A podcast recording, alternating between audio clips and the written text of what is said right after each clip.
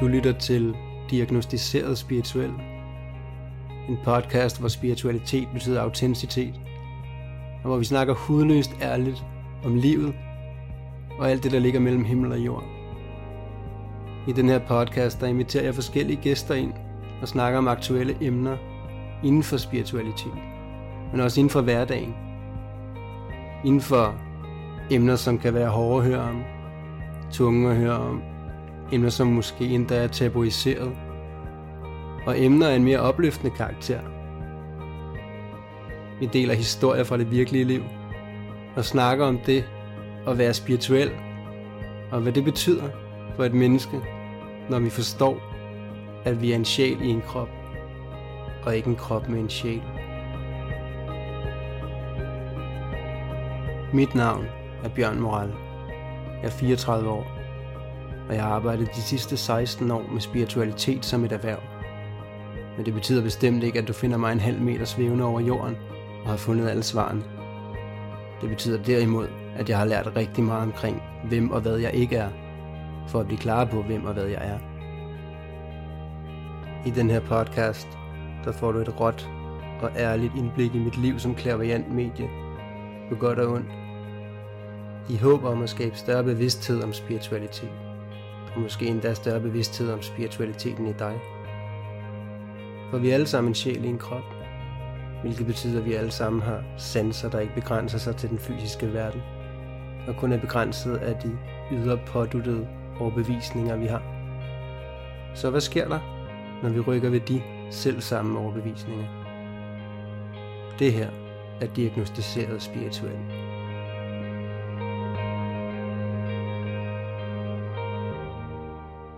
Dagens tema i dag, det er spiritualitet og kraft, og egentlig sygdom i det hele taget. Og det synes jeg er væsentligt at snakke om, fordi at der er så meget fokus på smittetal og mundbind og alt det, der kommer med det.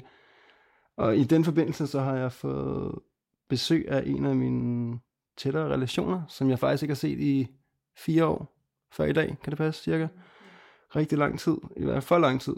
Øhm, og Louise, søs, går under flere navne. Øhm, vi har mange ting til fælles. Men noget af det, vi også har til fælles, ud over den spirituelle indgangsvinkel øh, i, i livet, er, at vi begge to har været igennem en, en længere kraftsygdom og faktisk fået en dødsdom den vej igennem, som i, at vi har været derude, hvor de færreste der troede på, at vi ville overleve, og vi måske endda også, jeg i hvert fald i mit tilfælde har fået at vide, lettere indirekte af lægerne, at jeg ikke ville klare den. Øhm, og har igennem det spirituelle ligesom fundet min, min vej igennem det. Og jeg synes, det er rigtig vigtigt at lægge vægt på, fordi at kraft er stadigvæk en rigtig, rigtig stor del af vores kultur, vores samfund. Øhm, dengang, hvor vi havde kraft, øh, cirka samtidig, der var jo en tredjedel, der fik kraft dengang. Det er jo et kæmpestort tal, og jeg tror, at det er nogenlunde det samme den dag i dag det, jeg håber lidt på, at vi kan, vi kan give med den her podcast i dag, det er lidt, øh, lidt inspiration til, hvordan man ligesom kan gå igennem et kraftforløb øh, på en lettere positiv måde, og, og gribe det an fra en lidt mere opløftende vinkel, end, øh, end det her med at være syg og bare skulle følge med og, og så videre. Altså at, at give noget, bevidsthed til, hvordan man kan klare sig igennem, og, og hvad det spirituelle kan have af indflydelse på at have sådan en kræftsygdom. Så jeg vil rigtig gerne sige velkommen til dig, Louise. Søs, hvad kalder vi dig i dag? Louise. Louise. Dejligt. Jamen Louise, vi mødte hinanden i et kraftforløb for 10, 11, 12, 13 år, noget i den stil. Ja, på noget, der hed Dallon, kan jeg huske. Og Dallon, det var et tilbud for, for folk med en kraftdiagnose, der havde brug for at mærke noget socialt fællesskab øh, og noget ligesindet i andre. Og jeg vil være ærlig at indrømme, at, at, at hele krafttiden, tiden med, med kemo og så videre, den er jo meget, og det tror jeg også, du oplever, den er meget hullet. Den er meget sådan blank, øh, og hukommelsen er, er, er påvirket af alt det kemo, og vi har nok også i, til tider det, som man vil kalde kemohjerne. Øh, som vi nok også kommer lidt mere ind omkring, hvad, hvad der ligger i det.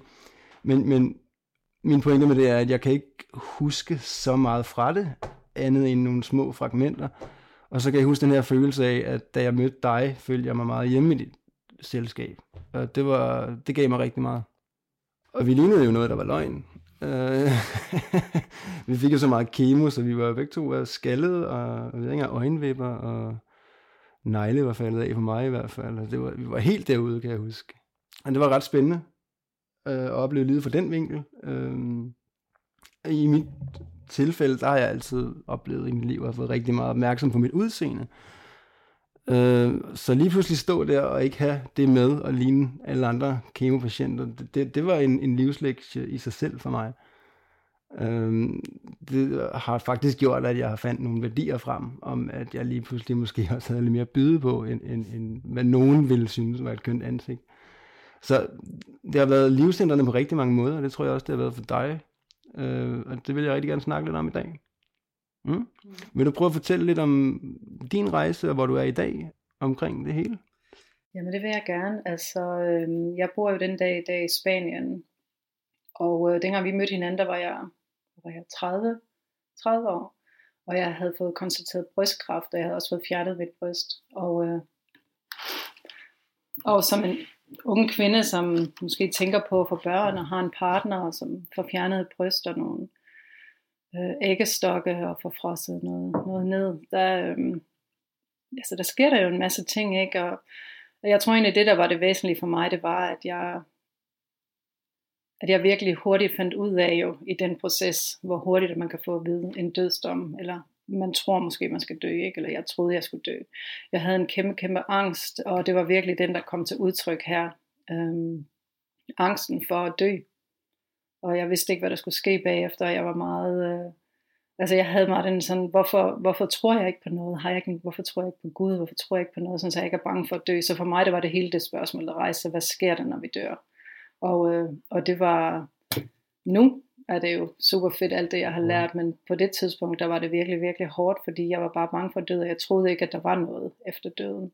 Altså så, øhm, ja, så det er sådan nogle ting, der rejste ved mig, og jeg havde en partner, og vi havde også snakket om, at vi skulle have børn, og, øh, men, men jeg havde det egentlig mere sådan, at jeg ville egentlig bare gerne leve. Mm. Ikke? Øhm, og det der så skete for mig bagefter, da jeg, jeg var syg cirka et år og skulle starte med at arbejde igen, og der blev jeg så syg igen, hvor jeg så fik øh, øh, øh, cancer i leveren og i brystbenet. Og øh, fra første gang, da jeg var syg, der, hvor den her angst kom, der kom der mere den her, okay, hvad gør jeg ved det? Jeg vil gerne overleve. Så der kom, i stedet for angsten, så kom der ligesom sådan en energi, der bare sagde, at det her, det overlever du. Men også i forhold til sygehusvæsenet, så kan jeg tydeligt huske, at der var en læge, der sagde til mig, jeg synes, du skal gå hjem og være sammen med din familie, sagt, vi ved mm. ikke, hvor lang tid du har tilbage. Ja. Og en anden læge, han sagde, ved du nogle gange, så kan man faktisk øh, gøre nogle ting, nogle operationer ved det her, og så overlever man. Og så sagde jeg, ved du den tager jeg, den mm. der. Så hele det her med, hvem siger noget til dig, og når du har angst, og du, altså, så tager du virkelig det ind. Ikke? Altså det, mm. hvad, hvad der hjælper. Og så, så det er også igen det her med, hvad får man at vide, ikke? Ja, hvad får man at vide, og hvad for en overbevisning adopterer man? Ja. For ens overbevisning bliver hurtigt din virkelighed.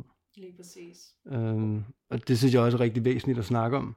Den her tildelte overbevisning, øh, som jeg har oplevet desværre rigtig mange læger øh, går med, og det er jo nok også en form for at helgardere sig selv og passe på sig selv, og ikke love for meget, og det, har jeg, det kan jeg egentlig også godt forstå. Men jeg har set min mormor dø af kræft, for hun kom hjem og fik at vide, at øh, nu dør du af kræft, og det troede hun på, og så døde hun. Jeg har set mine forældre, begge mine forældre dø af kræft, også fordi ligesom er blevet tildelt en overbevisning. Øhm, og jeg vil gerne lægge vægt på, at jeg har vanvittigt meget respekt for sygehusvæsenet og alle sygeplejerskerne og lægernes arbejde. Det er verden, hvad det har gjort for mig, det, det, det kan jeg ikke lægge nok vægt i.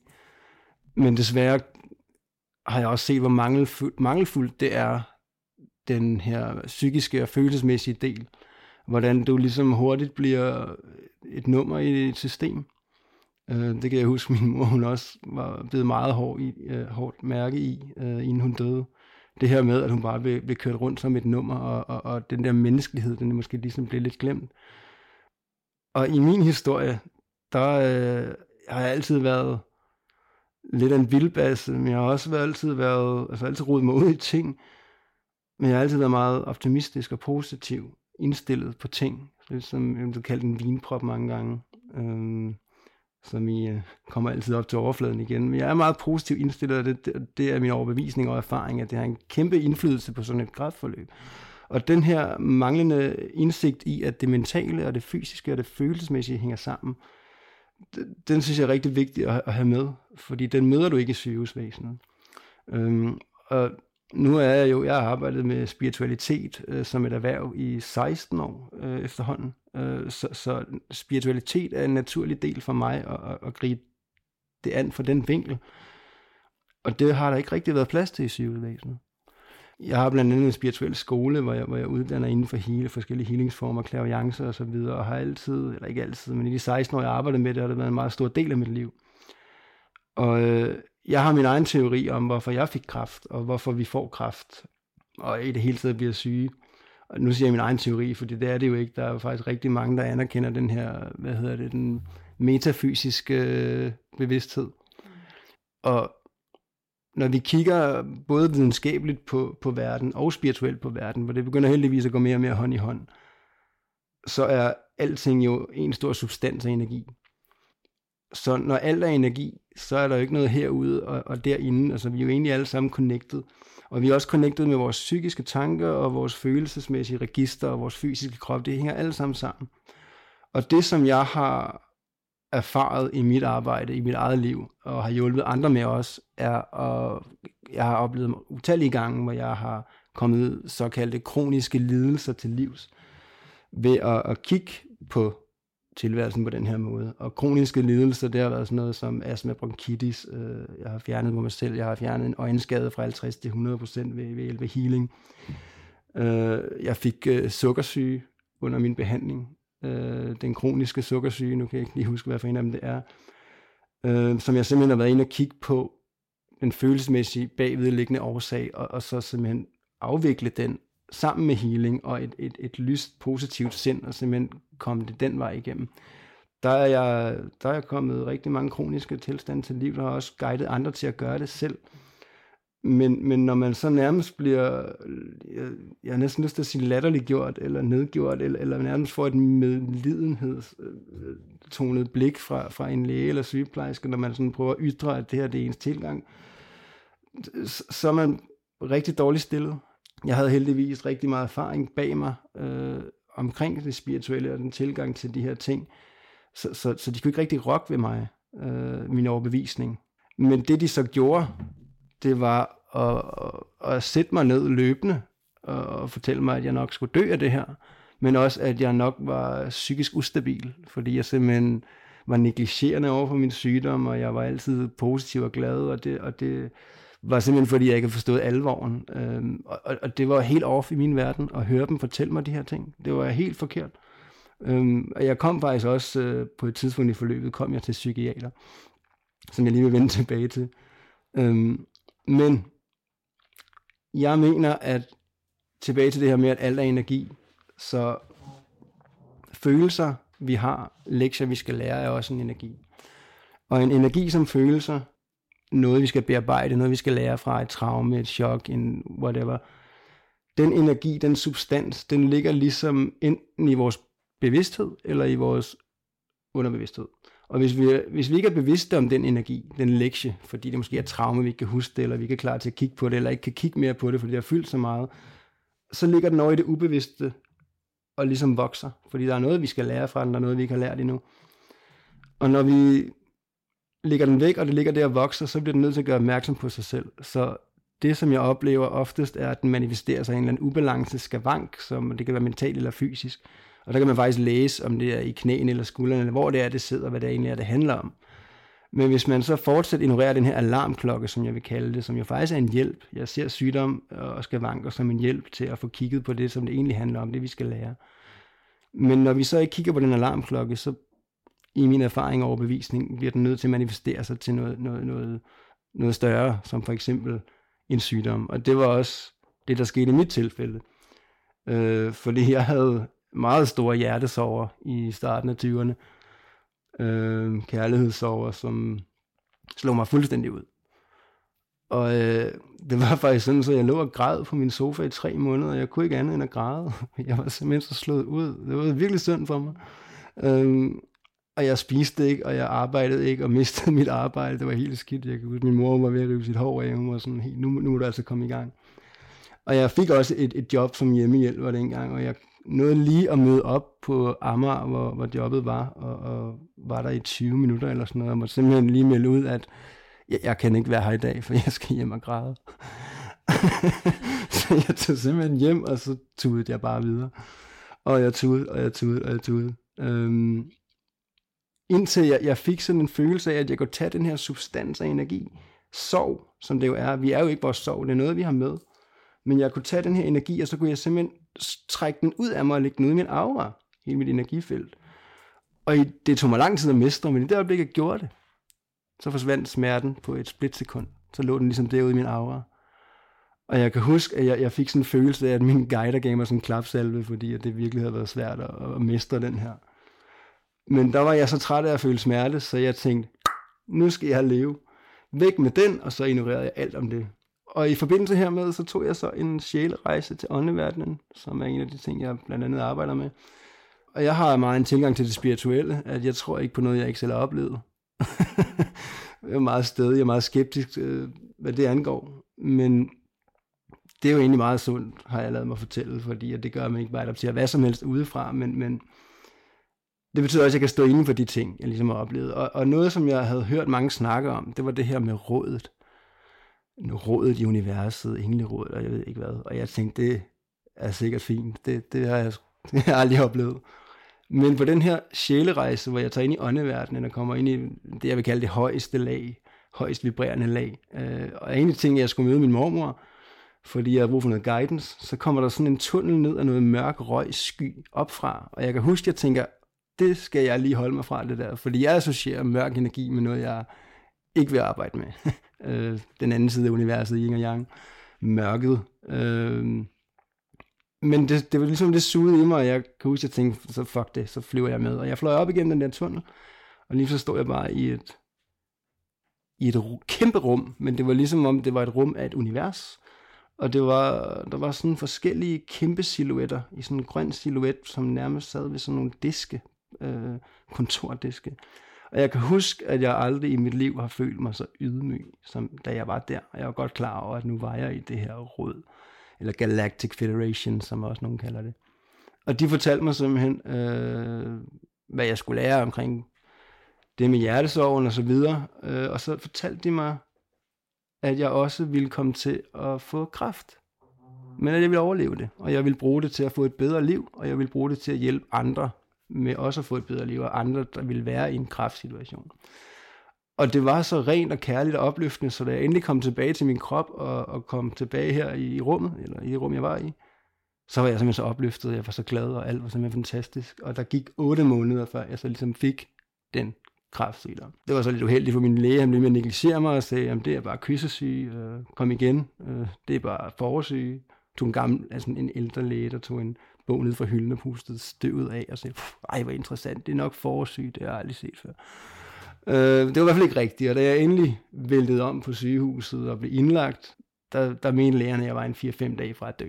Så det var, sådan, det var helt derude, øh, og jeg lignede også noget, der var løgn, og jeg havde kirtler, og jeg tog 20-30 kilo på, i havde kirtler. Øhm, men da jeg lige kom til mig selv igen, og tænkte, nå okay, det er så nu, jeg skal have kraft. Jamen, det er egentlig også meget rart at få det, få det ud af verden. Men jeg vidste, at det ville komme på et tidspunkt, men jeg vidste også, at jeg ville overleve det. Så min tro har aldrig nogensinde vaklet. Og jeg har altid været enormt positiv og optimistisk. Men det har simpelthen gjort, at lægerne, de, har, de troede, jeg var psykisk ustabil. Ja, at de ikke ville anerkende det. Også fordi, at spirituel eller ej, eller hvad man identificerer sig med, det, det, det, det siger lidt sig selv efterhånden, har jeg lyst til at sige, at et positivt sind kan flytte bjerge. Hvis vi bare alene kigger på placeboeffekten. Placebo virker, fordi vi tror, det virker. Det er en overbevisning, der udgør en virkelighed. Vores, vores mindset kan gøre ting, hvis jeg ikke er klar over. Så det, at de prøvede at pille det frem, synes jeg faktisk var, var ret vanvittigt. Øhm, og det, det gjorde nok også, at jeg blev lidt rebelsk. Øh, jeg tog for eksempel meget i byen. Jeg kan huske, at jeg på et tidspunkt var i byen med mit stativ. Der var en fest ikke så langt væk fra, at jeg var koblet op med, de havde lagt det der drop i hjertet på mig med slanger, som var koblet op til et stativ. Og jeg, jeg var også i isolation, fordi at, øh, min immunforsvar var nede. Og, men jeg, jeg tog i hvert fald elevatoren ned, og med mit, mit øh, stativ, så tog jeg hen og festede og mødte nogle venner. Så var sådan, hvad fanden laver du her, Bjørn? Du kan du komme tilbage? Jeg sådan, nej, for fanden, jeg skal lige øhm, og det var sådan, så de andre kemopatienter, de begyndte at spille øh, sådan småpenge på, hvor lang tid jeg ville kunne gøre det, der, inden jeg sådan ville, ville lade kemoen ramme mig. Crash. For jeg skulle simpelthen bare ud og opleve noget andet. Øh, det var simpelthen vigtigt for mig. Øh, jeg kom på et tidspunkt, kommer jeg hjem fra en fest. Det var så uden stativ, men klokken to om natten er jeg virkelig fuld, for jeg er virkelig svækket af kemo, og virkelig hygget mig. Og jeg kan næsten ikke gå lige. Og de har været så bare bekymrede for mig, fordi de ikke kunne ringe til mig, og jeg har ikke været på min stue, og jeg ved ikke, hvor jeg er. Lige så halvandet ned ad gangen kl. to om natten. og de sådan trækker mig til side, der er han, hvor har du været, er du okay? Jeg sådan, ja, ja, for fanden, jeg har det fint. Jeg var fuld, jeg var til fest. Uh, apropos, så har jeg faktisk lidt dårligt. Kan I ikke give mig lidt salt? så, vi kan ikke give dig saltvand, hvis du har drukket. Så, jeg har det dårligt. og så er det alligevel forbarmet sig. Giv mig noget saltvand, og sådan en pose saltvand på en halv time. Bang, så er du altså frisk igen. Så lige snart de har skruet låget på mine slanger fra hjertet der igen, så, så er jeg frisk igen. Jeg skal ud og feste videre. Hej. Jeg er sådan, nej, der må ikke gå noget. Så jeg kan også godt forstå, at de har haft deres øh, udfordringer med mig. Det, det kan jeg godt forstå. Øhm, men dertil og så simpelthen pusse en psykiater på mig, det synes jeg var, øh, var meget, meget voldsomt. For jeg brugte jo øh, jeg brugte cannabis som smerte- og kvalmestillende. Og det virkede rigtig godt for mig. Uh, de prøvede at give mig alle de der uh, kemiske kvalmestillende produkter, som Priparan og hvad der ellers var. Og dem besvimede jeg, jeg rystede, og jeg fik det ikke godt af dem. Nå, det men, kan jeg nemlig huske, at vi, dengang vi mødte hinanden, at der, der brugte du cannabis i stedet for, fordi det virkede ikke det andet på dig, ikke? men det... Ja, det gjorde det, og det virkede, virkede godt. Et væs af et eller andet pot, bang, så min kvalme væk, og så kunne jeg ligesom... Og, og hvis jeg ikke gjorde det, så kastede jeg op fra morgen til aften. Ja. Øhm, men jeg studerede også det her cannabis, mm. fordi jeg tænkte, jeg skal også vide, hvad det er, jeg putter i min krop. Øhm, så jeg studerede det virkelig, og, og, og måtte også sætte min læge ind. Altså, der er noget, der hedder has, og der er noget, der hedder skunk, og der er noget, der hedder pot. Og der er en meget stor forskel på mild pot, og så til has og skunk, hvor der kan være alt muligt i, hvor det er blevet genmutanteret og så videre. Og det er ikke det, jeg rører. Jeg rører det naturligt, og det fungerer rigtig godt for mig. Og efter at lægerne ligesom var inde og sige, jamen øh, det Bjørn han ryger her, og det han fortæller, det er faktisk helt rigtigt. Det er ikke skadeligt for ham, hverken psykisk eller følelsesmæssigt eller fysisk. Så det kan vi godt stå indenfor, mm. fordi at jeg vidste, hvad, hvad, jeg, hvad jeg var. Og der vendte mine forældre. Jeg er født på Lolland og opvokset dernede, og de kommer nok kom fra et sted, hvor, hvor, hvor altså cannabis, det er jo det er jo det samme som at sidde i Istegade med nål i armen. Altså det, nå, jamen, det vidste jeg ikke. Men da de lige pludselig havde en, en, en overlæge, der sagde, jamen lige det her Bjørn ryger, det er ikke farligt, og det hjælper ham faktisk. Så vendte det 180 grader. Og min mor har faktisk på et tidspunkt forbarmet sig så meget. Hun var ikke fan af det, men hun kunne se, det hjalp mig. Og på et tidspunkt, der havde jeg så meget kvalme, og jeg havde ikke lige noget pot, så jeg må sådan bede hende, eller hun spurgte, hvad kan jeg gøre for dig, Bjørn? Og så måtte jeg også sige, mm, du kan tage ud på Christiania og hente noget pot og lave mig en joint. Øhm, og det gjorde hun fandme. Og, det, og hun tog der ud, og hun fik købt det der pot, og hun fik købt sådan nogle færdige cones, og hun havde prøvet at riste den der cigaret. Jeg prøvede at guide hende til det, og hun kom jo tilbage med den grimmeste lille rejeformede joint, og hun var så stolt. Og jeg var hun stolt. og det er måske også den dejligste joint, jeg nogensinde har røget, hvor der var så meget kærlighed i den. Det var simpelthen fantastisk.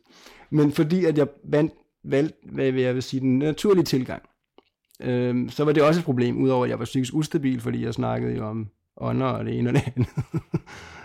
øhm, så var jeg også pot, så jeg var jo rimelig psykotisk i deres øjne.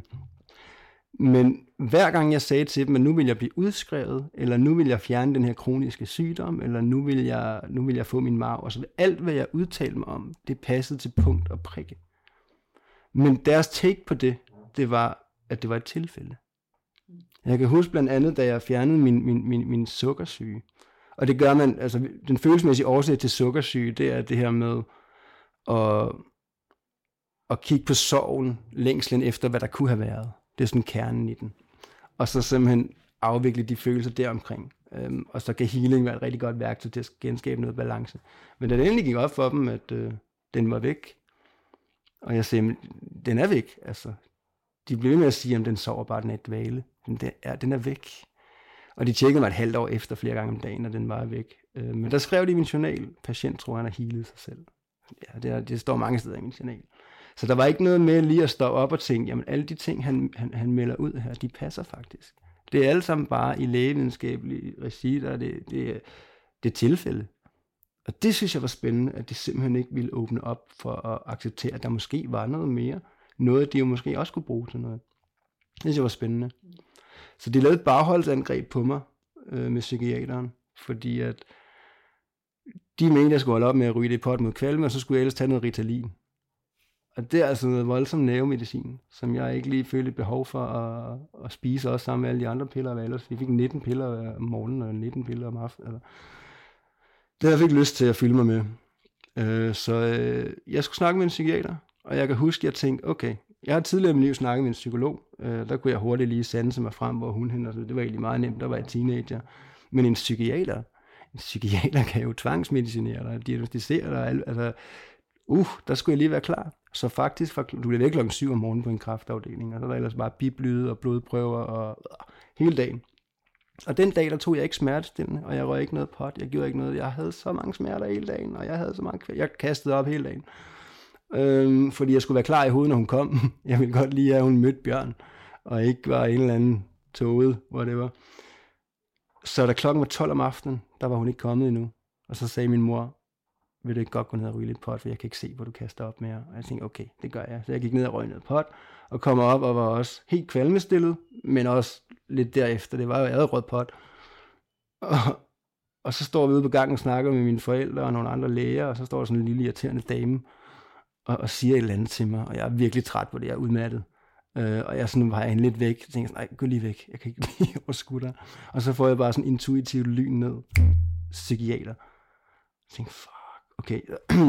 undskyld, hej, jeg hedder Bjørn. Det er du er psykiateren, ikke? Øh, undskyld, jeg er bare virkelig træt og mange smerter. Skal vi lige gå ind og snakke? Og hun havde et helt langt stykke papir, hvor hun bare lige skulle bekræfte lægernes udsagn til, at jeg fejlede det ene og det andet og det tredje. Men det gik et par minutter, hvor hun ligesom kiggede på mig, og så lagde hun kuglepinden ned og sagde, ja, altså, du fejler ikke noget. Du er lidt negligerende omkring din sygdom, det er ikke noget galt med. Øh, men der er ikke. Så nu er jeg faktisk røde papirer på, at jeg ikke fejler noget. og det er jo meget godt, når man laver det, jeg laver. Ja. Så det, det synes jeg er mangelfuldt inden for, for sundhedsvæsenet, at de ikke har den del med. Øh, det har jeg faktisk været rigtig ked af, og, og, og prøvet at tale lidt op siden. Er det også sådan din oplevelse? Altså jeg, kan, det, jeg sidder og tænker på alt muligt, der kommer op, ikke? og øh, jeg kan huske, at jeg havde læst den her bog med en, med en kvinde, der havde helbredt sig selv, som havde en stor cancerknude i maven. Og jeg læste hendes bog, og det var anden gang, jeg var syg, og jeg skulle ligesom tænke, tage stilling til det her med at få fjernet min, den, den sidste æggestok. Og jeg læste den her bog, og jeg var sådan helt, jeg kan bare tydeligt huske, at jeg gik op på syv, og snakkede med min læge om, at jeg havde læst den her bog med en, der havde helbredt sig selv, og jeg havde besluttet mig for, at de skulle ikke fjerne min æggestok, for jeg ville gerne beholde den. Og der fik jeg også at vide, nu synes vi, du skal gå hjem og tænke over, om du vil overleve det her. Mm. Og det, altså det fik mig helt ud af balance, kan jeg huske. Ikke? Fordi jeg var bare sådan helt overbevist, jeg var inde i mig selv, min egen kerne, og så, så besluttede jeg mig så for at gøre det. Og det var det her med, at altså, jeg kunne aldrig snakke med dem om, hvis det var, at jeg havde nogle, nogle holdninger til tingene, så var det sådan, det er sådan her, det er det, vi tror på. Mm. Hvilket jo også, det er okay, ikke? Men, men til det, hvad du altid også siger, der fandt jeg i hvert fald også hurtigt ud af, at at jeg er glad for alt det, hvad de gør for mig, men jeg var også glad for de personer, jeg havde i mit liv, som troede på noget, der var lidt højere end det. Og, øh, og der begyndte jeg ligesom at lære det her med at følge min intuition, eller livet, eller hvad skal man mm. sige, ikke? Og fik, jeg kan huske, der var en pige, der afleverede en bog til mig med en, med en healer, som simpelthen healede folk. Ved, ikke reiki, men... Og, øh, og der var jeg sådan, wow. Og så begyndte jeg ligesom at åbne min verden. Og så i stedet for ligesom at, at gå ind i alle de her grupper, hvor folk, der skrev om, at de havde cancer, og de var, altså de var kede af det, og de var, de følte, at hvad har jeg gjort galt, og alle de her ting. Så begyndte jeg egentlig bare at lytte til mig selv, og så kom der altid lige en med en bog, jeg lige mm. læste, og så blev jeg sådan, wow, hvad er det her for noget? Det begyndte at række ud, fordi at jeg kom ind i, ind i noget, det var det, og så tror jeg, jeg sagde lige før også, at første gang jeg blev syg, der var det bare angst det hele. Hvor anden gang, der kom der bare ligesom det her spirit, eller mm. kan kalde det, men energi, mm. som simpelthen bare gjorde, at jeg, det her det overlever jeg. Men jeg, og jeg overlever det, fordi at jeg tager mit liv i egen hånd. Og det er bare for at gå tilbage til, hvad du sagde i starten også, ikke? at vi kan godt få vores kemo, vi kan gøre alle de her ting, men vi er også nødt til at gøre noget mm. selv. Og det var virkelig der, hvor det startede for mig, at at i stedet for, jeg havde ikke på noget tidspunkt undret mig selv og tænkt, hvorfor sker det her for mig? Jeg var mere sådan, okay, det her, det kan ske for mig, det er sket for mig, så nu vil jeg leve mit liv, og jeg vil ikke dø. Altså jeg vil virkelig overleve det her, og hvad kan jeg gøre? Og det, det har sin bekostning på mange ting, fordi det kan også være ensomt at gå den rejse, ikke? fordi der er bare mange ting, du er nødt til at skære fra. Men så. også virkelig hvad sådan, necessary at finde ud af. Altså, det er jo hele livet. Hvad gør mig glad? Mm. Hvad er det, jeg vil? Hvem er jeg omgivet af? Ja, du får lidt en identitetskrise. Absolut ikke. Og når du er så ung også, altså, eller jeg tror, det kommer egentlig, det er lidt lige meget, hvor gammel du ja, er. Ikke? Altså, men at, der, er du, der kan du så ligesom vælge, jamen vil jeg leve mit liv og tage det i min egen hånd og gøre noget ved det? Og det tror jeg bestemt, det er derfor, vi stadigvæk er her i dag, fordi vi var alvorligt syge. Ikke? Mm-hmm. Så, og jeg kan huske, der var mange, der sagde til mig, at på et tidspunkt, det er det, de hører, ikke? at der mm. kan du vente om at sige, at jeg er glad for, at jeg havde den her sygdom. Og mm. det er jeg nu, fordi jeg ved slet ikke, hvem jeg ville have været ellers. Nej. Og jeg ved bare, at, at der er noget som, som i mig, som, som er, altså jeg er meget mere glad, og jeg mm. er, jeg er ikke særlig meget bange for tingene mere.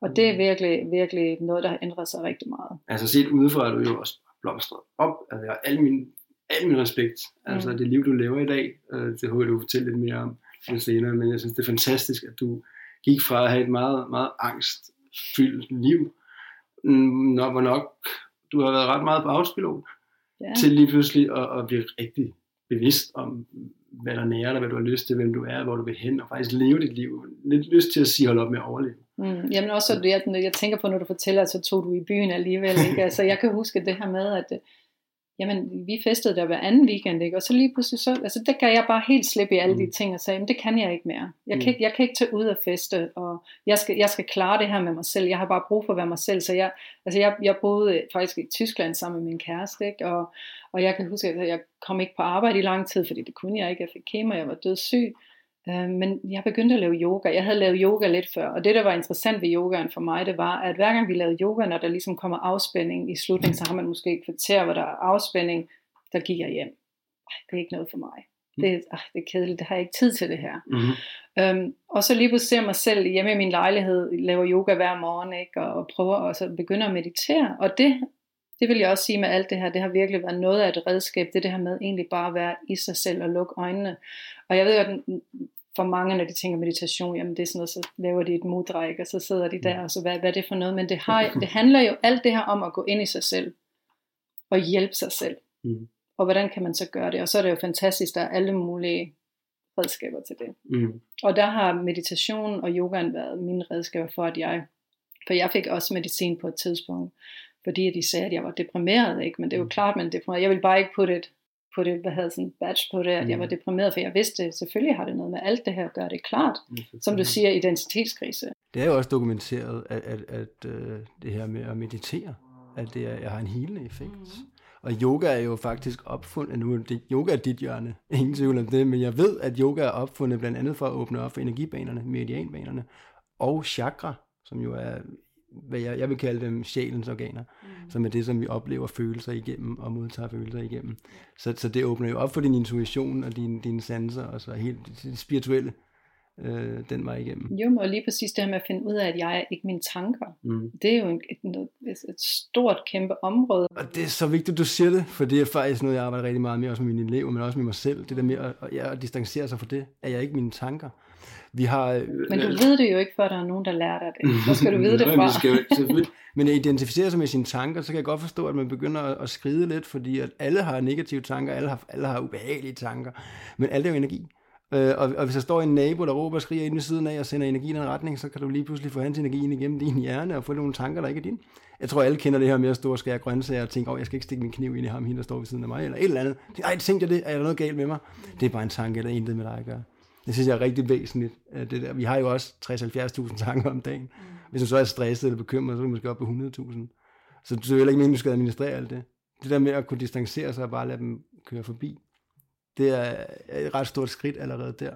Ja, du kan også nogle gange, når du tænker noget, så, tænker, så kan jeg lige pludselig sådan, hov, det, det er slet ikke mig det her. Mm. Det, der, det er da min søster, der vil sige det her, eller min far, ja, eller en eller anden. er lige pludselig bevidst om noget, der kommer ud. Ja. Lige præcis. Så eller nogen, der har været dine omsorgspersoner i mange år, hvor mm. du du tror måske, det er den sandhed, som de har, ikke? og så begynder du at finde ud af, at hey, jeg har faktisk min egen, egen sandhed i det her. Og det er jo faktisk, vi, altså mange af de lag, vi har, vi jo, jeg ser os lidt som et løg med forskellige lag, ikke? og mange af de lag, vi har, holdninger, perspektiver osv., øh, har jeg også fundet ud af i min egen spirituelle rejse, men også i mit arbejde med elever og så videre, at, at, at mange af dem faktisk er uautentiske, fordi vi kommer til en tidlig alder at adoptere dem fra nogen, vi står indenfor, som forældre eller søstre eller forbilleder, eller det kan være hvad som helst. Og når man så begynder at grave, altså gå det i sømne og grave det igennem, så, så finder man ud af, at det var faktisk ikke helt, det stemmer ikke helt overens med min mavefornemmelse. Så det er faktisk ikke sådan, jeg har det. Så væk med den overbevisning, og, og hvad er så den nye? Jamen, hvad, hvad mærker du indenfra? Hvad, hvad føles rigtigt for dig? Okay, jamen det er den nye, det er dig. Altså finde ind på den vej. Det er jo en vanvittig smuk transformation. Det er smukt, men det er også hårdt. Virkelig hårdt. Det er virkelig, virkelig hårdt, men jeg plejer at sige, at spirituel transformation er altså, det er mere wow, end det er arv. Det, det synes jeg godt lige, at vil understrege. Ja. Øh, men i det hele taget, det her, der kommer udefra, synes jeg også er vigtigt lige at tage med. Øh, fordi at jeg ser også et mønster, øh, hvis jeg generaliserer lidt, der hedder, at når man får en, en kræftsygdom, eller en anden alvorlig sygdom, øh, så folk, der er omkring en, de vil rigtig gerne give dig noget kærlighed og, og, og, og omsorg, og møder dig ofte med den her, ej, hvor er det uretfærdigt. Ej, hvor er det synd for dig. Åh oh, nej, og hvorfor dig, og åh, oh, hvad. Og, og mange hopper, jeg, øh, altså jeg tror, man har en tendens som menneske til bare at hoppe lige i den der. Og det er jo en offerrolle, som det er synd for mig, hvorfor er det mig, og så videre. Men, men der har du en opskrift på noget, der ikke fungerer i forhold til at, at, at, at få det her forløst, afviklet, hele det. Uh, jeg holdt faktisk en, en, en, jeg holdt faktisk en, en, en mindre fest, da jeg fik min kræftdiagnose. Jeg inviterede alle mine venner ind fra Lolland og rundt omkring inde på Rigshospitalet. Og så åbnede vi en flaske øh, champagne. Mm. Og så fejrede vi, at nu skulle jeg til at have kraft. Og der, jeg, jeg tror ikke, der var nogen af mine venner, der forstod, hvorfor jeg gjorde det. Men det var bare så vigtigt, fordi jeg ville gerne skabe et, et miljø, der var optimistisk og positivt. Og jeg, jeg, jeg måtte faktisk...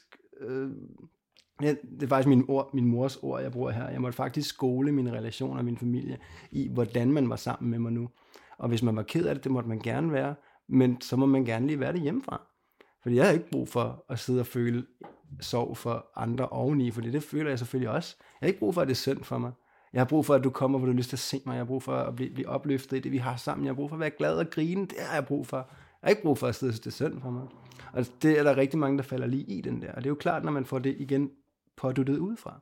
Ja. Så det der med at løsrive sig, og lige, ja, det er ret vigtigt også. Så det er vigtigt at få med.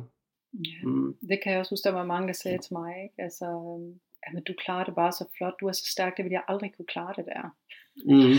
Og det er sådan, jamen det ved du ikke, før at du står i situationen. Nej, og den har jeg, ja, jeg har hørt meget. Ja. Øh, fordi det, det kan alle. Øh, jeg lavede faktisk jeg lavede et program med Bubber om at overleve ekstrem kraft, øh, som jeg sagde, jeg gerne ville være med i, hvis vi kunne lægge øh, noget vægt på det her med, at man kan donere knoglemarv, ligesom man kan donere blod, for det er ikke nogen, der ved. Og det var faktisk grunden til, at det tog mig halvandet år næsten at finde en knoglemarvsdonor. Øh, og det lovede de mig at lægge vægt på, men da programmet så blev lavet, så klippede de det ud. så det var rigtigt, det var ikke kommercielt. Men det er så der. Øh, men der står han nemlig også bubber på stranden i Spanien, hvor vi var, og siger, hvordan kan man det? Jeg vil aldrig kunne gøre det, hvordan kan man det?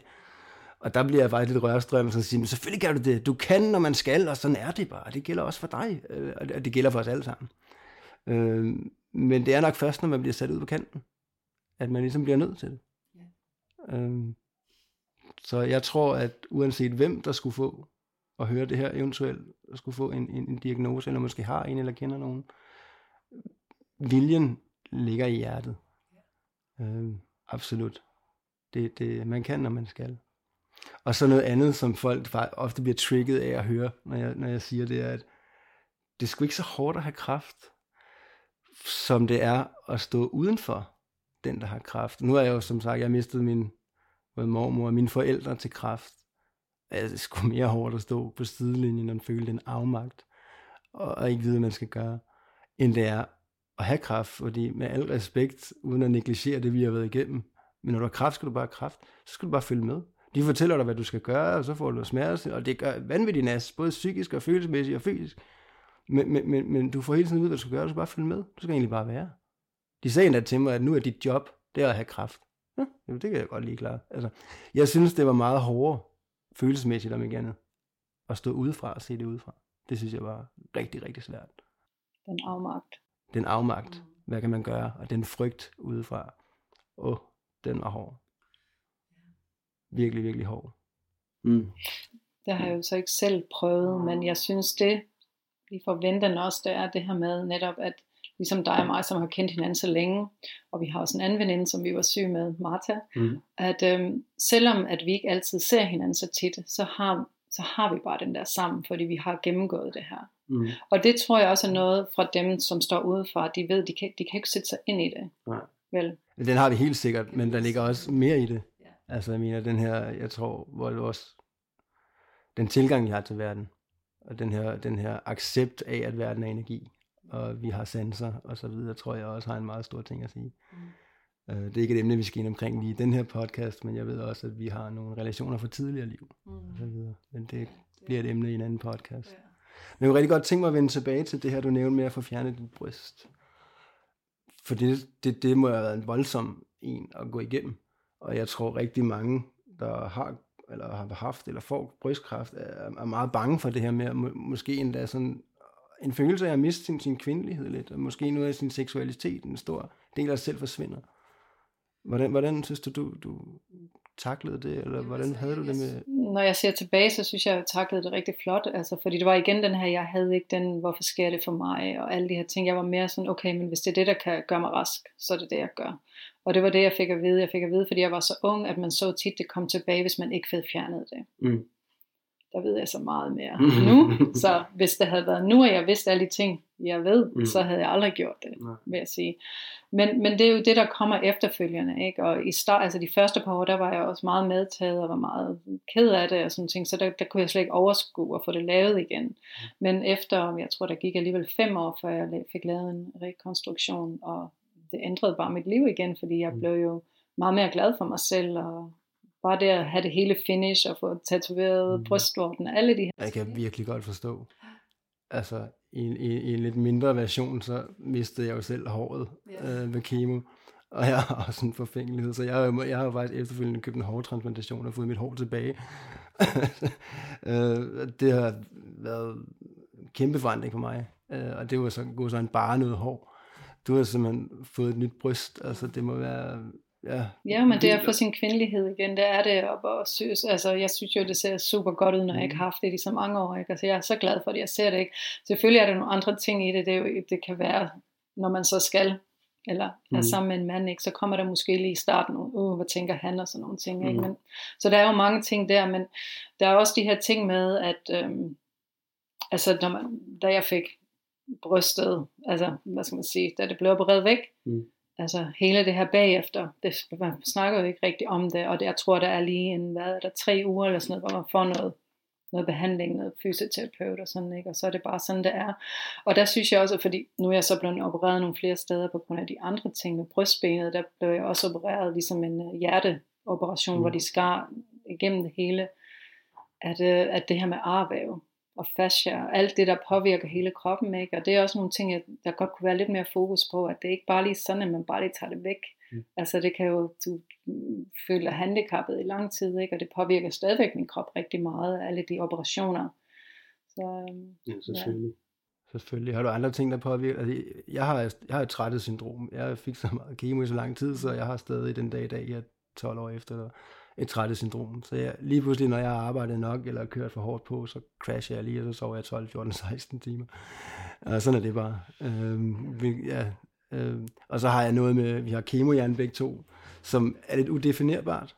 Øhm, kan, kan du definere kemohjerne? Kan du, hvordan oplever du at have kemohjerne? Jamen altså, det er egentlig mere bare sådan, at det lige pludselig bare bliver sort det hele. Ja. så, altså sådan, så ligesom, så kan jeg bare ikke rigtig huske, hvad det var, jeg lige sad og snakkede om. Ikke? Og, der, men, og der var det faktisk rigtig fedt med yogaen, fordi da jeg begyndte at undervise, så, så havde jeg, jeg havde haft så meget angst og kemohjerne og alt det her, at jeg sådan, når jeg mødte folk, og vi stod og snakkede, så lige så gik det bare sådan en, så vidste jeg ikke, hvad vi snakkede om. Ja. Så det her med at begynde at undervise i meditation faktisk, mm. så var det jo, så kunne folk have lukket deres øjne, og så kunne jeg ligge, så kunne jeg kigge på dem, så blev jeg ikke, så påvirkede mig mm. ikke så meget. Så det var sådan en måde for mig at bruge til at komme ud igen og snakke med verden, fordi jeg blev meget sky og kunne ikke rigtig snakke med folk, efter jeg mm. havde været syg. Fordi at jeg var gået så meget ind i mig selv. Jeg følte, at jeg mistede alle sanserne. Mm. Altså jeg lå på et tidspunkt på en hovedpude i tre måneder, og kunne, hver gang jeg rejste mit hoved op, så skulle jeg lige ryste lidt på det, og så ned og ligge igen. Jeg følte, at, at altså, alt, jeg var blevet sindssyg. Mm. Og når jeg sådan prøvede på at fortælle lægerne, at jeg tror, jeg er blevet sindssyg, eller der sker noget inde i hovedet på mig, mm. altså så fandt jeg også ud af, at der er noget, der hedder kravnesakralterapi, og ja. du faktisk har noget væske i din hjerne. Og det er det, jeg prøvede på at forklare dem, at der er ligesom der er noget væske, og det er tørknet. Det, det var sådan min måde at forklare det. Sådan, nej, men det er fordi, du er deprimeret. Og, yeah. og så begyndte jeg at undersøge, ikke? og så tog jeg til en, der kunne hjælpe mig med det. Ikke? Og så sagde hun ja. Og så efter, at jeg havde terapi med hende, jamen, så fik jeg det jo meget bedre. Mm. Igen, kom, som vi kommer tilbage til, ikke? så er der også mange andre ting, der kan gøre at du, du bliver syg, og hvorfor du har det dårligt igen, og alt det med, med depression og med angst. Og, mm. Altså, jeg fandt også øh, min relation til min kæreste, jeg havde på det tidspunkt, og min familie, og altså, hvad har jeg lært i mit liv, ikke? Altså, hvem er der rundt om mig? Er det positivt, er det negativt? Hvad forventer de af mig? Alle de her ting, og der er jeg ligesom dig, har altid været meget positiv, og tog det hele meget positivt. Det skal nok gå det her, det skal gå hvor jeg ligesom finder ud af min, min konstruktion med min familie. Hvem er jeg i familien? Jamen, jeg var nok altid den mor i familien, der hjalp alle sammen. Og lige pludselig jeg skulle navigere i det, finde ud af, hvem er jeg egentlig? Ikke? Og det var faktisk rigtig hårdt for min familie. Så det, den kærlighed, jeg troede, jeg skulle få af dem, da jeg var syg, at de mm. bare skulle nusse mig og holde mm. om mig og alle de ting, der fik jeg egentlig mere modstand, fordi det var så hårdt for dem. Yeah. Så jeg skulle være stærk for dem, og det var virkelig hårdt at finde ud af, hvordan min rolle havde været der. Så på et tidspunkt efter måske et år eller halvandet år, der slog jeg op med min kæreste, fordi jeg kunne se, at en masse angst, jeg havde, det kom egentlig også fra ham. Ikke? Og jeg kunne se angst, altså det kom fra min familie og alle de ting, så jeg var nødt til ligesom bare igen, det tager jo lang tid, fordi det handler lige pludselig om også, at jeg kunne ikke bare snakke om andre folk med deres problemer og hvad der med dem. Men jeg må ligesom alt, hvad der irriterede mig ved andre, måtte jeg tage ind i mig selv. Mm-hmm. Hvad er det i mig, der gør det her, at jeg bliver sådan og finder ud af, Gud, hvem er jeg egentlig overhovedet? Hvad er det for en spejling? Lige præcis, og det var virkelig hårdt, for det var mange ting, jeg ikke kunne lide mig selv. Uh, og hvis det er første gang, man hører det her, så er det jo fordi, vi arbejder ud fra, at det her med at blive trigget af andre, uh, det kan man ikke, hvis man ikke har en tilsvarende følelse ind i, mod sig selv. Så hvis man føler, at ham, der går på gaden, han er en kæmpe idiot, det kan godt være, han er det, men du har ikke en stærk følelse på det, hvis ikke du synes, en side af dig selv i en eller anden henseende også er lidt af en kæmpe idiot. Den der spejling der. Uh, og jeg tror, det er vigtigt lige at uddybe her, for nu arbejder vi jo med spiritualitet til hverdag, både i vores hverdagsliv, men også sådan lidt professionelt. Og som, ja, altså, vi kan måske nok komme til at negligere lidt nogle af de her ting.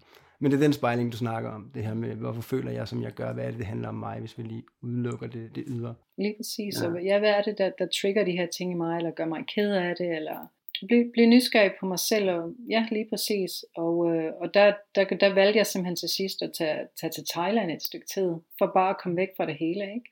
Jeg tog faktisk afsted med min kæreste og med min bror, ikke? og jeg havde jo regnet med, at vi tog på sådan et sparsted, og de skulle, jeg havde været der en gang før, jeg skulle rense mig selv, og jeg skulle, du ved, drikke juice, og jeg skulle bare være healthy, mm. og de endte så med, at de ville hellere tage i byen. Mm. så, nå okay, jamen så måtte jeg så gøre de her ting selv, hvilket også var fedt, men, men det gjorde bare, at vi ligesom også fandt ud af mig, altså det, den kæreste, jeg havde haft, at vi gik fra hinanden, men, men som gode venner, fordi det havde også været hårdt for ham op på det, som du siger, at stå udenfor, mm. udefra, hvad, hvad kan jeg, hvordan kan jeg hjælpe dig? Ja. Så vi voksede fra hinanden, men som venner, Mm. Så vi er faktisk stadigvæk venner den dag i dag, hvilket er fantastisk at have det på den måde. Ikke? Mm. Men jeg, jeg føler, at jeg må simpelthen tage afsted og finde mig selv i alt det her, og give slip på alt og alle. Og det var virkelig hårdt, men det der var mest hårdt, det var, at der var rigtig mange af de tætteste, der ikke forstod det. Ja, og i det hele taget mange af de tætteste, når man har sådan en sygdom, oplever jeg, og det tror jeg, du kan ikke genkende til, at de ved ikke, hvad de skal sige, så de trækker sig. Så man hører ikke fra dem. Der var rigtig mange, jeg havde tæt på, som jeg hørte ikke fra dem under hele min sygdomsforløb. Og når jeg, når jeg så mødte dem, så blev de akavet og trak sig ind og spurgte, altså de kunne ikke være med det. Og omkring det der med at have en kæreste, synes jeg er rigtig fint, at tog den med også. Øhm, jeg havde lidt samme oplevelse. Øhm, som sagt, som jeg nævnte først i podcasten, jeg har tidligere i mit liv fået meget opmærksomhed på mit ydre, og nok ikke tænkt så meget over i min unge alder af 20-21, da jeg fik kræft, at der var meget mere i det. Øhm, ja, til en vis grænse selvfølgelig, men, men, men da jeg lå der, 48 kilo i kørestol, skaldet, ingen øjenvipper, lige noget, der var løgn Så tænkte jeg, jeg tror lige, jeg går på nettet og finder, en, jeg vil være en kæreste, som måske kan se noget andet end, end det. Øh, og jeg fandt den smukkeste, dejligste pige. Udenpå og indeni, hele vejen igennem. Min engel var hun virkelig. Øhm, som jeg havde en date med, og hun kom hele vejen fra Vejle. Og jeg var sådan lidt en douchebag faktisk, fordi mens hun i, i toget på vej derover, så fik jeg lige skrevet til hende, faktisk, jeg bor på riget, jeg har kraft. det er vel ikke en dealbreaker.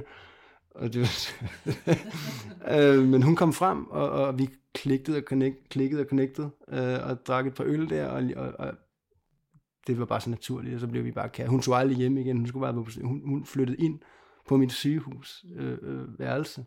Og jeg husker, min læge, han, han, han stoppede op i døren og tænkte, øh, kaldte på sygeplejersken, altså, der ligger, der ligger to i, i sygeseng. det, hvorfor gør du det? Og så, Nå, jeg har fået en kæreste. øh, det, det, ja, det synes de også var meget spøjs, men det gav mig simpelthen så meget, og jeg kan huske det her med, hvad hun følte, jeg gav hende. Gav mig sindssygt meget, og indsigt i, hvad jeg også har at byde på. Øh, og jeg kunne ikke forstå, når hun gjorde, for hun blev nærmest en sygeplejerske for mig, der altid passede på mig. Jeg tænkte, hvad giver jeg dig? Mm. Og hun fortalte heldigvis løbende, at hun følte, at jeg gav hende rigtig meget indsigt i sig selv også, så vi havde noget rigtig, rigtig smukt. Og vi var sammen hele, hele det der halvandet år, hvor jeg, var, hvor jeg havde kraft cirka. Men indtil jeg går fra hinanden. Øh, fordi at efter jeg havde været pauset i halvandet år, og nu var erklæret rask-ish, og så godt nok lige skulle lære at gå igen, og spise igen, og so on, så skulle jeg altså ud og leve. Og jeg skulle øh, hente det, jeg havde tabt. Jeg er skytte, bravende skytte. Life Path 5, hvis der er nogen, der kender det. Og jeg skulle ud og leve. Og hun havde brug for at være derhjemme de fleste dage. Og så en gang imellem tage ud og lige, for hun havde stadigvæk den her rolle, jeg passe på mig. Så hun blev bange, når jeg tog ud og var uansvarlig. Og det kan jeg godt forstå. Øh, så vi blev bare i kærlighed enige om, at, at, at vi skulle gå videre være for sig. Men jeg er stadigvæk altså, rigtig glad for hende i dag, selvom vi er lidt på afstand. Så det var rigtig, rigtig fint. Hun viste mig rigtig, rigtig meget. Jeg er dybt taknemmelig for, at hun kom ind i mit liv. Det var simpelthen så dejligt. Og en lille sidste ting, jeg godt kunne tænke mig at runde med dig. Øh, det er sådan et øh, sårbart emne som sterilitet. Mm-hmm. Ja, fordi du er blevet steril, ikke? Jo, det ja. er jeg jo. Det er jeg også. Yeah. Ja. øh, det er jo også ofte en, øh, en lille følgesvend til det her med at få kraftig kemo i længere tid. Yeah. Øhm, og det kan der også i sig selv ligge noget identitetskrise i. Jeg tror også for mange mænd, og kan du ikke få børn, og er du ikke en rigtig mand. Mm. Øh, øh, det, det har jeg mødt flere gange også. Nu arbejder jeg også som sideløbende som seksolog, og jeg har mødt det her med en mangelfuldhed som mand, hvis man ikke kan præstere, hvis man ikke kan få rejsning, og hvis man ikke kan lave børn og så videre. Øh, personligt synes jeg ikke, jeg ser mig selv som mindre mand, fordi jeg ikke kan få børn. Øh, jeg har min i en fryser, øh, heldigvis. Så hvis det skulle være en dag, så kan jeg lige ringe til hospitalet og sige, hey, jeg vil egentlig gerne have nogle, nogle børn. Du har også noget i en fryser? Ja, altså jeg, jeg kan huske, at for nogle år siden, der fik jeg det forlænget igen i 10 ja. år. Jeg fik lige et brev. Og, så, og det var faktisk det var interessant, fordi jeg havde besluttet mig for, at det, det kommer jeg ikke til at bruge. Jeg vil ikke have børn. Men alligevel, da det kom det brev, så oh, lad det lige ligge. Lad ja. det lige ligge lidt endnu, ikke? Ja, okay. altså jeg, jeg er så der nu, hvor jeg ikke, altså jeg er 42, jeg skal ikke, jeg skal ikke have nogen børn, men jeg har haft nogle, nogle smukke oplevelser med min søster, som har fået et barn, ikke? Um, som jeg har været en stor del af, og så som sagt også med den kæreste, jeg havde dengang, han har fået et barn, og, og vi facetimede dengang han fik sit barn, ikke? Og, øh, og der skulle jeg se barnet, og så, men det var så dejligt, at den måde vi kiggede på hinanden, fordi der vidste vi bare, okay, det kommer ikke til at ske. Mm. Men, men det, var, det var bare et eller andet, hvor han kunne, jeg har et barn her, du, ja. og jeg kan, og det var virkelig, virkelig meget, meget smukt. Ja. Ej, hvor skønt. Selvfølgelig. Jeg er også meget glad for, at jeg har den mulighed. Jeg er 34 i dag. Men det er ligesom om, at mænd kan gå lidt længere, ikke, før det bliver godt. Og så er det jo egentlig også, altså det, tidligere har jeg sagt lidt mine yngre dage, det er jo også meget praktisk. altså, man, det der opkald, mange mænd frygter, at nu, nu skal du være far, det, det, det vil jeg i hvert fald ikke få. Øh, men ja, øh, en lille kort afslutningsvis øh, historie omkring det her med at få frosset sin sæd. Nu er det heldigvis, har jeg lavet mig fortælle lidt anderledes i dag. Øh, men dengang var det under al kritik, hvordan det foregik. For mit vedkommende, der vidste de, at jeg skulle, øh, jeg skulle have så kraftig kemo, så jeg ville blive steril af det her. Øh, og jeg som sagt tidligere, da jeg endelig blev indlagt, der vurderede de mig fra at være 4-5 dage fra at dø. Så det var altså akut, at jeg kom på noget kraftig kemo. Øh, men inden da, der skulle jeg jo lige have afleveret en sædprøve. Mm. Nu er jeg ikke noget morgenmenneske. Det er ret tydeligt. Øh, men Dagen efter kl. 7 om morgenen blev jeg vækket med biblyd og prøver og det ene og det andet med beskeden om, at Bjørn, du skal vågne, du skal ned og onanere. Hvad skal jeg? Skal jeg det i hvert fald ikke. øhm, og, og, og det må jeg så indfinde mig med, at jeg skulle, øh, for jeg er godt klar over, at det var rimelig væsentligt for en eventuel fremtid med børn. Og jeg, jeg gik ned på afdelingen, hvor jeg, hvor jeg så skulle aflevere den her prøve, og jeg møder en sur, sur gammel dame, der sidder bag en disk ude på gangen, og kigger på mig, som om, at, at, at jeg er, ja, jeg ved ikke, hvad jeg har lyst til at sige, men hun kigger på mig, som om jeg er helt forkert, og er lidt ulækker, fordi jeg så kommer og aflevere en sædeprøve. Og det var ikke, det var ikke lige det, der fik mig in the mood. Men jeg fik et gammelt pornoblad på tysk, der var klistret sammen. Ligesom man ser på film, hvor der var kuglepindstreger i. Og så pegede hun bare på en dør, der var lige over for hende. Og det var sådan en lille forrum til et toilet. Og så kunne jeg sidde inde i forrummet, sådan et rekvadratmeter stort forrum, hvor der var hul under døren 2-3 cm, så jeg kunne se folks sko, fødder og skygger ned under og høre dem snakke. Og så skulle jeg der klokken 7 om morgenen bare get my groove on. og der vil, jeg, der vil jeg krybe til korset, fordi det, jeg, kunne, jeg, jeg kunne ikke præstere. Altså det kunne jeg simpelthen ikke. Der var for meget i mit hoved. Jeg havde lige fået kraft, jeg havde smerter. Det var tidligere om morgenen, jeg kunne høre folk snakke om det. Altså, det var slet ikke rigtigt jo. Så jeg endte med i frustration at sparke den dør op og kaste det der ulækre poloblad i hovedet. Næsten i hovedet, sådan hen mod hende. og tag det her, jeg vil ikke have det. Og gik op og brokkede mig til lægerne og sygeplejerskerne. Det er det simpelthen ikke Det er simpelthen for umenneskeligt. Hvad, hvad fanden har I tænkt jer? Og, og, og sygeplejerskerne forbarmede sig over mig med det samme. Øh, og fik lavet samme aften en, en, en aftale med, at de ville øh, låse mit sygehusværelse øh, af, og så fik jeg en veninde til at komme og hjælpe mig, fordi jeg var slet ikke i stand til at gøre det selv, og, og faktisk tusind, tusind tak til hende, fordi jeg havde ikke været for hende, så havde jeg ikke haft den mulighed, så det var utrolig smukt, at hun ville gøre det for mig. Øh, men jeg har heldigvis efterfølgende lavet mig fortælle, at de har opgraderet deres øh, rammer for øh, din situation. Så, men alt i alt, i dag lever vi nogle lidt andre liv, men jeg vil lige høre dig, har du noget, du vil her til sidst byde ind med? Noget, du siger, jeg synes, vi har fået rundet rigtig mange gode ting. Øhm, og jeg håber også, at du som lytter føler, at du kan bruge nogle af de her ting, eventuelt til noget inspiration. Og at det her med at få en kraftsygdom, altså ikke nødvendigvis er en dødsdom. Lige præcis. Mm. Ja. Jo, men jeg vil måske gerne lige sige lidt angående meditation, fordi ja. for nogen, der lyder meditation, som om vi skal sidde en time og meditere med mm. lukkede øjne. Og jeg vil sige, at meditation kan også være at sætte sig på en bænk i to minutter og lukke øjnene. Men det er bare det, er det her vigtigheden af, at vi lever i et samfund, hvor vi er meget stresset og har gang i rigtig mange ting hele tiden. Ikke? Og, og som vi har snakket lidt om før, også med sociale medier, at vi er meget på, og vi laver mm. rigtig mange ting. At vi føler tit, at vi ikke lige har tid til at sidde bare to minutter. Og det er virkelig der, hvor du kan forbinde dig til det, hvor du virkelig mærker, at det er rigtigt for dig. Så de to minutter kan for eksempel gøre, hvorfor sagde jeg lige ja til det? Det har jeg egentlig ikke lyst til at gøre. Eller, ikke? Og, og den her med lige at komme ind i sig selv og mærke efter hele tiden. Og det var faktisk også det i min overbevisning, det der helbredte mig. Ja. Fordi min kæmpe hjertesorg, så i min overbevisning, har, har givet anlæg til den her kræftsygdom. Øh, den blev simpelthen helbredt med, at jeg mødte min kæreste her, som så mig for noget helt andet og gav mig ubetinget kærlighed. Så den her ubetinget kærlighed, jeg fik fra hende og fra min familie og venner lige pludselig.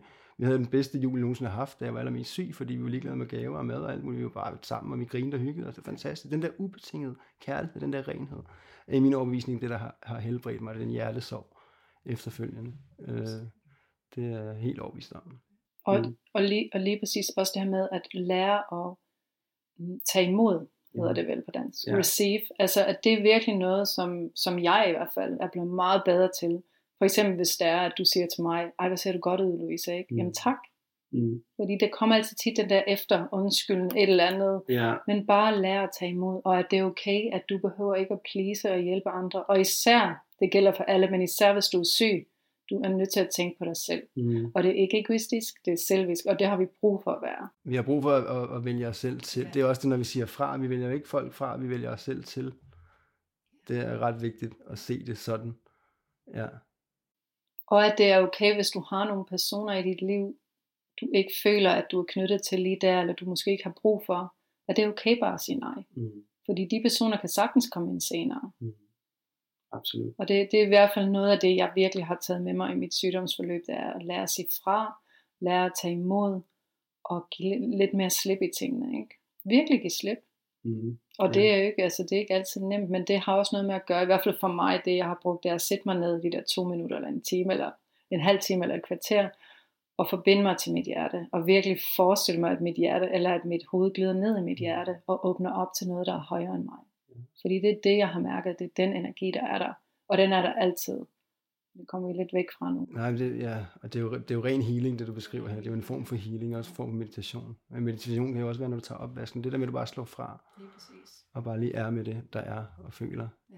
Det er nu, der er lige der. Ja. Det i sig selv er enormt healende. Altså, Og det, det er virkelig en stor ting af alt det, vi har snakket om i dag, Ja. for at nå til, hvor vi er i dag. er det Og have lyttet til livet, eller intuition, eller hvad du vil kalde det. Og stole på det. Og give slip i kontrollen. Mm. Ikke kontrollere det hele. Jeg kan slippe, ja. Den er virkelig, det har også Mhm. været en, det kunne jeg se ved mig selv, at jeg, jeg har været, altid været meget perfektionistisk. Det Mhm. skulle være ordentligt. Men, og så så jeg lige pludselig, det er mig selv, der spænder ben for mig selv hele tiden. Mhm. Fordi jeg skal bare give slip i det. Jeg kan ikke kontrollere noget, jeg kan ikke styre noget. Mm. Fordi hvad er der, skal allerede, er der allerede der. Jeg vil sige tak for den her gang, og tak fordi du lyttede med. Det har været en fornøjelse at snakke om det her emne med dig ved sidelinjen. Tusind tak.